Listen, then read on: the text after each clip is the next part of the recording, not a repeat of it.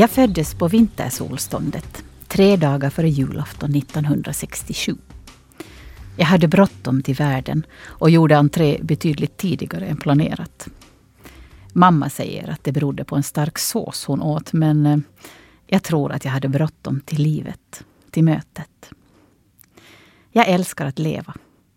Mitt i livets alltrasighet och fransar njuter jag av att skapa, av att ha en kropp att uppleva med, av att känna både glädje och sorg, hela känslospektrat. Och jag älskar att sjunga och göra musik. Till min stora glädje är det också detta som är mitt liv. Jag heter Annika Cleo och under vår stund tillsammans kommer ni få besöka några av mina inre rum.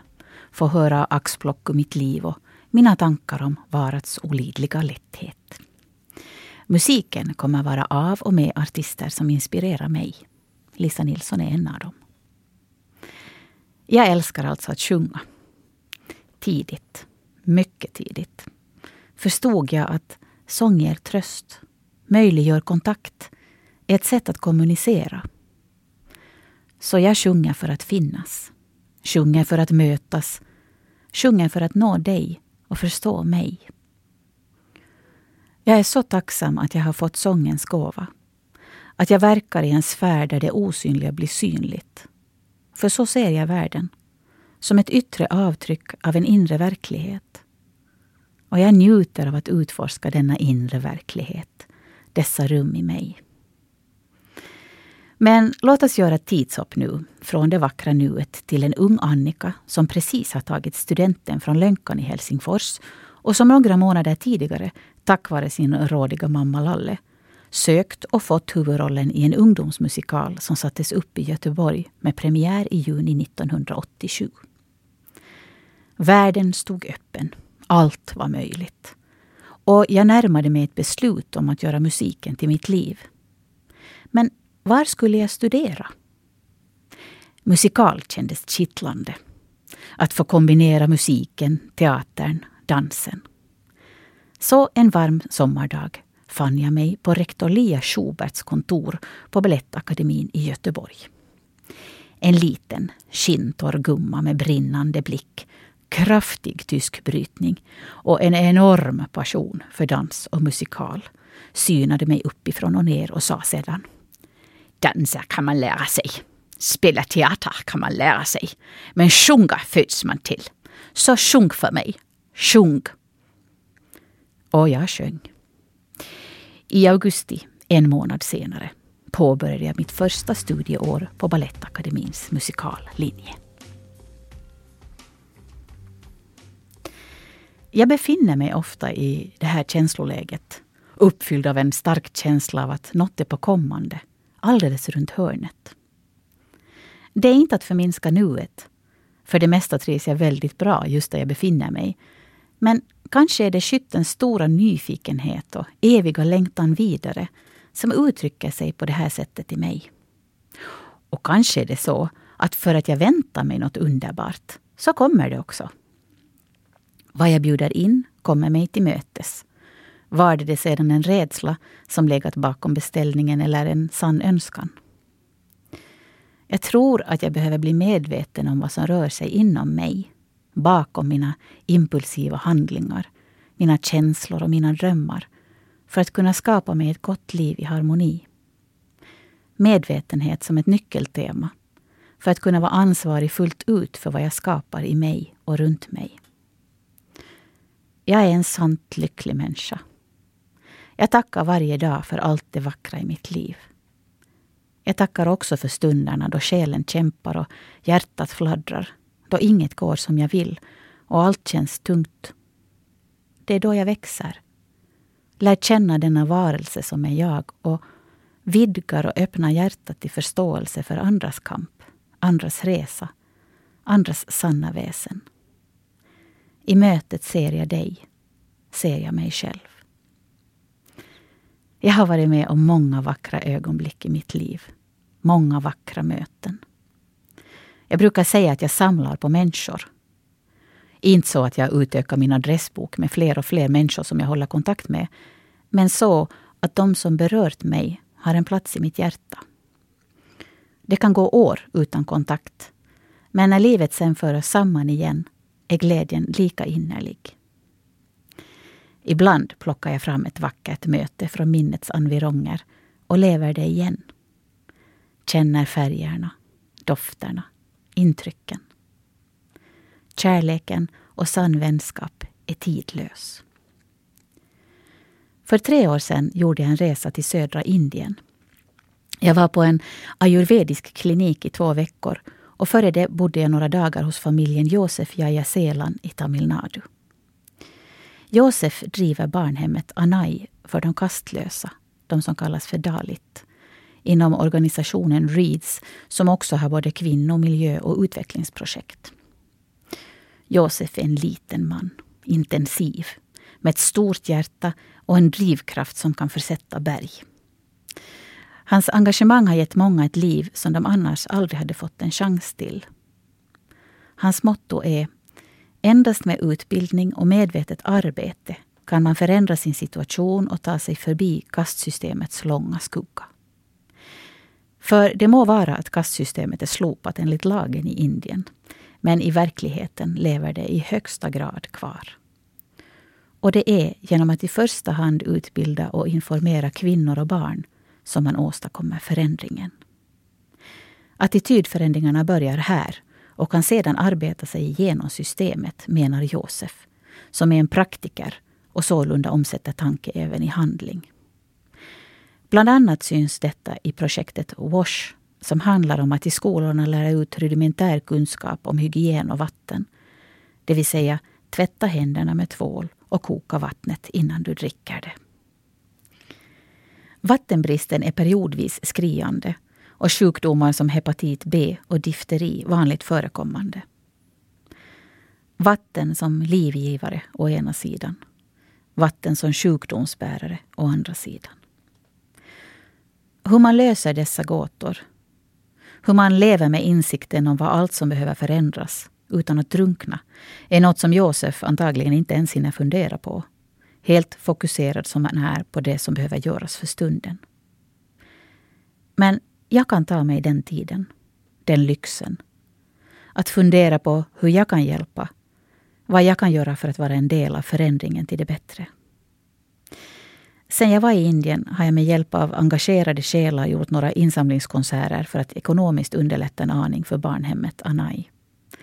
Pengarna har gått till mat, personal, en rullstol och nu senast badrum och toaletter för flickorna som äntligen fått en egen sovavdelning.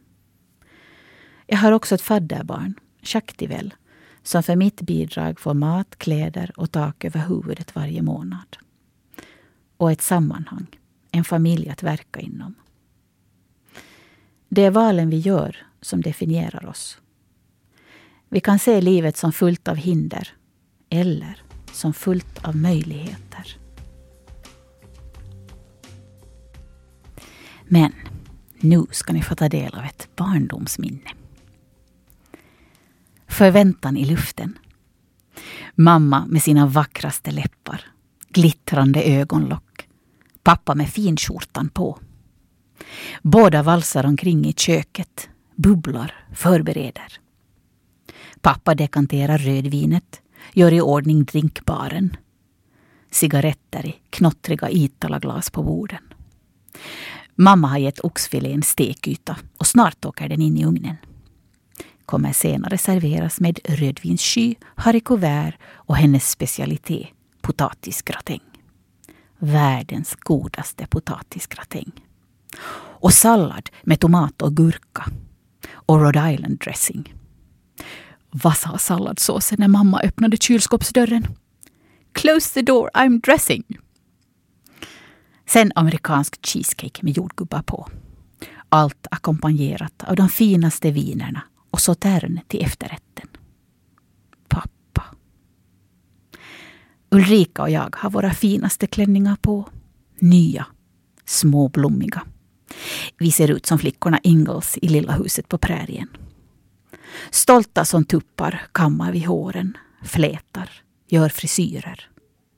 Och så läppglans på våra barnläppar.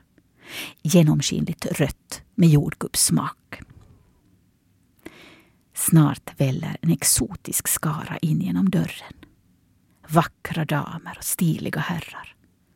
Vaffe och Peter, Tita och Hekka, Ebba och Klas, Rita och Eje, Kita, Ulf, Birgitta, Bosse, Kent. Alla dessa människor som befolkade min barndom satte färg på den, formade den med så mycket glädje och kärlek. Fest.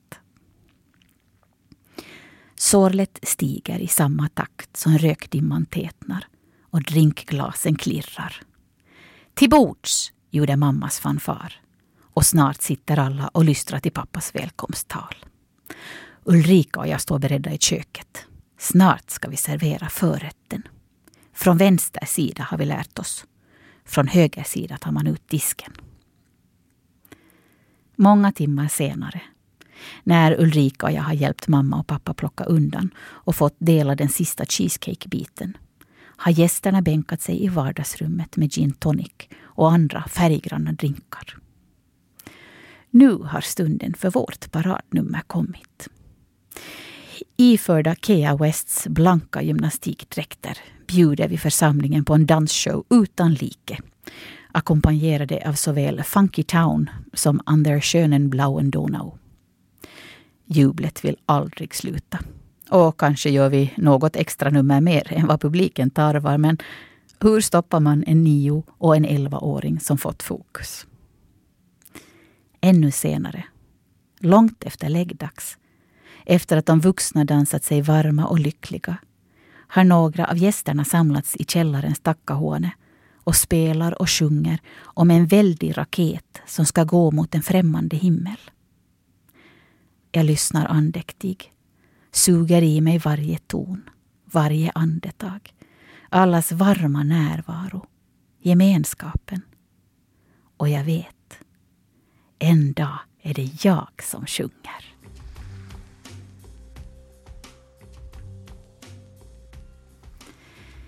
Jag har aldrig älskat min kropp så mycket som när jag väntade min förstfödda. Det var som att miraklet av att bära ett barn inom mig fyllde ut mig hela vägen till huden. Den stora magen var vacker. En graal.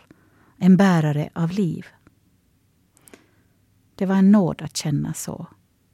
En nåd att för en stund kunna lägga bort alla tankar om hur jag borde vara.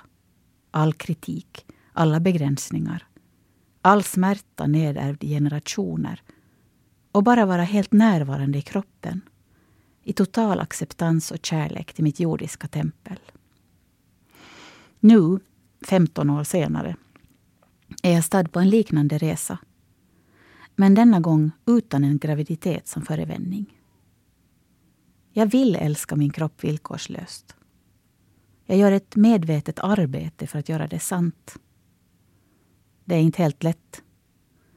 Bilderna jag har vuxit upp med, indoktrinerats med, i det mellanmänskliga, i media eller mellan släkt och vänner, genomsyrar mig så till den grad att det ibland är svårt att få syn på vanföreställningarna.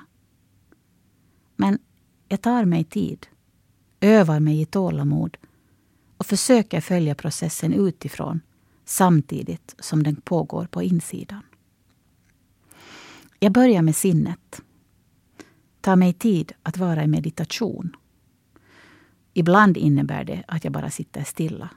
Ibland ensam, ibland i sällskap. Andra gånger består meditationen av att göra en promenad vid havet eller i skogen.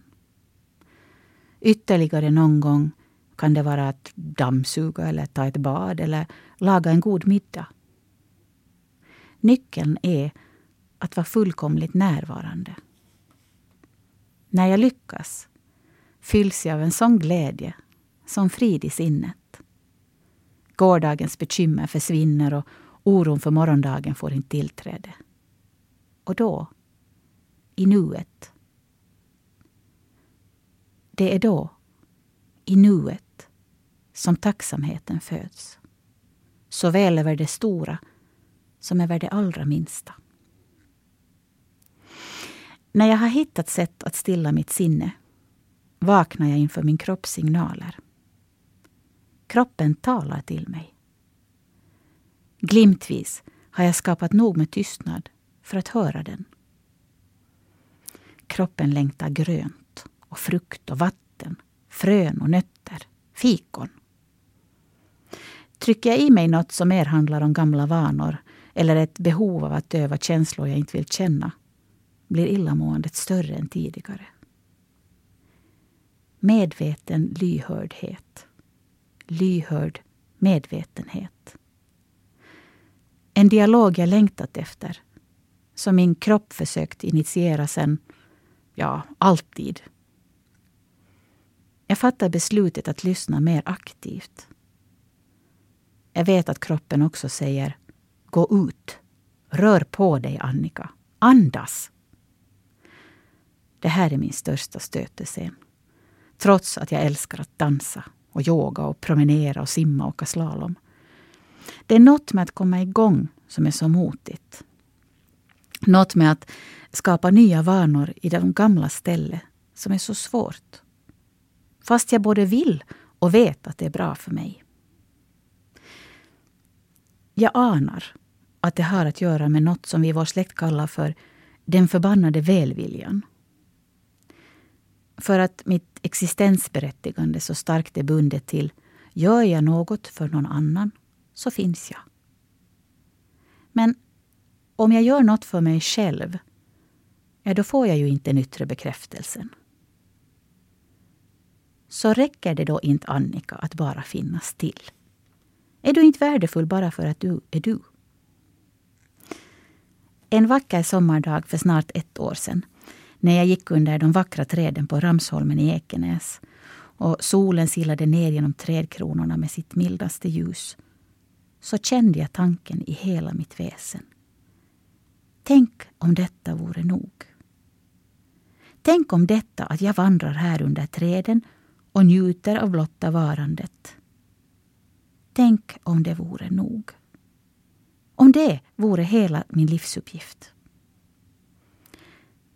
Denna insikt, ja, jag vill kalla den så nu i efterhand, har blivit ett mantra för mig. Jag duger som jag är. Jag är älskad bara för att jag finns till.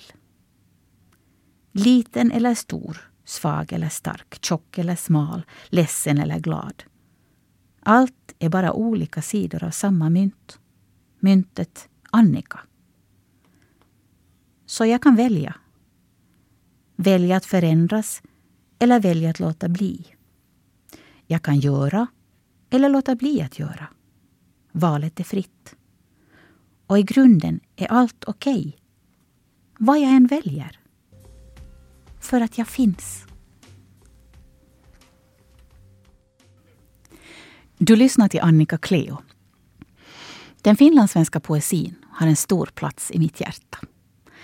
Redan under gymnasietiden smet jag ofta in på Akademiska bokhandeln i Helsingfors och parkerade mig på poesiavdelningen.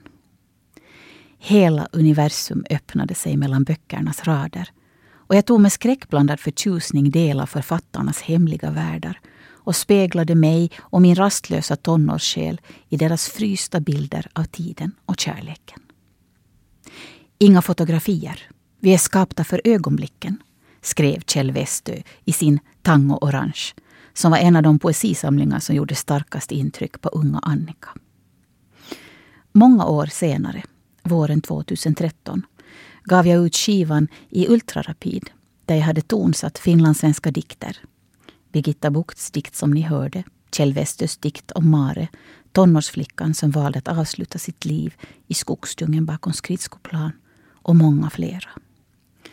Märta Tikkanens skärande vackra ord ur århundradets kärlekssaga fick ge namn åt skivan. Att återvända till dikterna jag hade läst på 1980-talet och tillföra min musikaliska tolkning innebar en oändligt lustfylld och mycket glädjerik resa för min del. Jag behövde bara stanna upp, läsa och lyssna, så fanns melodierna klara. Jag är tacksam för att Klockriketeaterns Dan Henriksson tog initiativet till ett samarbete oss emellan som kom att utmynna i musikföreställningen Säg till om jag stör. Flera av dikterna jag då tonsatte finns nu med på i Ultrarapid. Och just så här funkar mitt liv så ofta. En impuls som föds ur att jag möter en människa som får mitt hjärta att sjunga, min leklust att spritta. För mig med en osynlig men stadig hand, steg för steg, till något alldeles, alldeles underbart.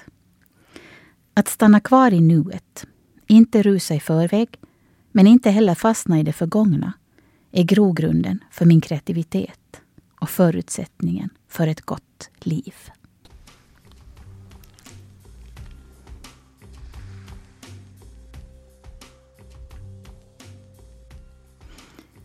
Om jag vetat då, det jag vet nu, hade jag då valt annorlunda? Om jag vetat om kullerbyttorna jag skulle göra, krumsprången och snedstegen, hade jag då trätt varsammare fram? Om jag vetat hur ont det gör när knoppar brister, hur kallt det kan blåsa, hur oroligt ett hjärta kan vara, hade jag då stängt om mig, tagit på mig skyddsdräkt och stoppat i öronpropparna? För många år sedan nu, just den bilden av dig. Avstängd, onåbar. Inte minsta spricka i muren att tränga in igenom. Valde då. Valde frihet. Valde min väg. Priset var inte obetydligt. Två barn rycktes ur illusionen att livet är enkelt, smärtfritt. Rudolf Steiner lär ha sagt att barn ska skratta och gråta. Nå, inte nödvändigtvis i den ordningen. Flera gånger varje dag. Det utvecklar känslolivet. Jag konstaterar mot denna bakgrund att jag måste vara ett fullblodsproffs. Mina barn likaså. När barnen är som argast, mest påstridiga, kompromisslösa, tänker jag. Denna kraft kommer tjäna dem när de blir vuxna. Jag tror inte på kärnfamiljen. Jag tror på en kärnfull familj. Den kan mycket väl bestå av mamma, pappa, barn. Men den kan lika gärna vara familj i vidgad bemärkelse och bestå av viktiga människor som älskar villkorslöst visar respekt för barnets unika väsen och tar ansvar för att vara sanna, raka och ärliga både mot sig själva, barnet och andra vuxna. Min familj består av såna människor. Många såna människor. Fina själar som har valt mig och mina barn och min lilla hund, kärleksknippet. I dessa relationer vilar jag vilar i kärleken, i acceptansen. Det har inte alltid varit så. För inte så länge sedan definierade prestationen mig. Duktiga Annika. Vilket namn! Denna värdeskala inhamrad i ryggmärgen i generationer. Så mycket sorg, så mycket smärta, så mycket förtvivlan denna värdegrund skapat i oss alla. Och till vilken nytta? Det är först när jag skalar av mig försvaren, suddar ut måstena, släpper kraven på mig själv och bygger upp mig inifrån som livet och glädjen får tillträde. För att inte tala om leken och lusten och kreativiteten. Jag tror på människan. Jag tror att vi är fantastiska, skapande varelser som är kapabla att rensa i röran, tänka om och forma tillvaron till något meningsfullt, vackert och oändligt givande för alla. Livet är inte bara en lek, utan även en dans på rosor. Jag heter Annika Cleo och jag är så tacksam för att jag har fått dela den här stunden med dig. Andas nu lugnt. Ta emot livets goda och ha en riktigt fin sommar.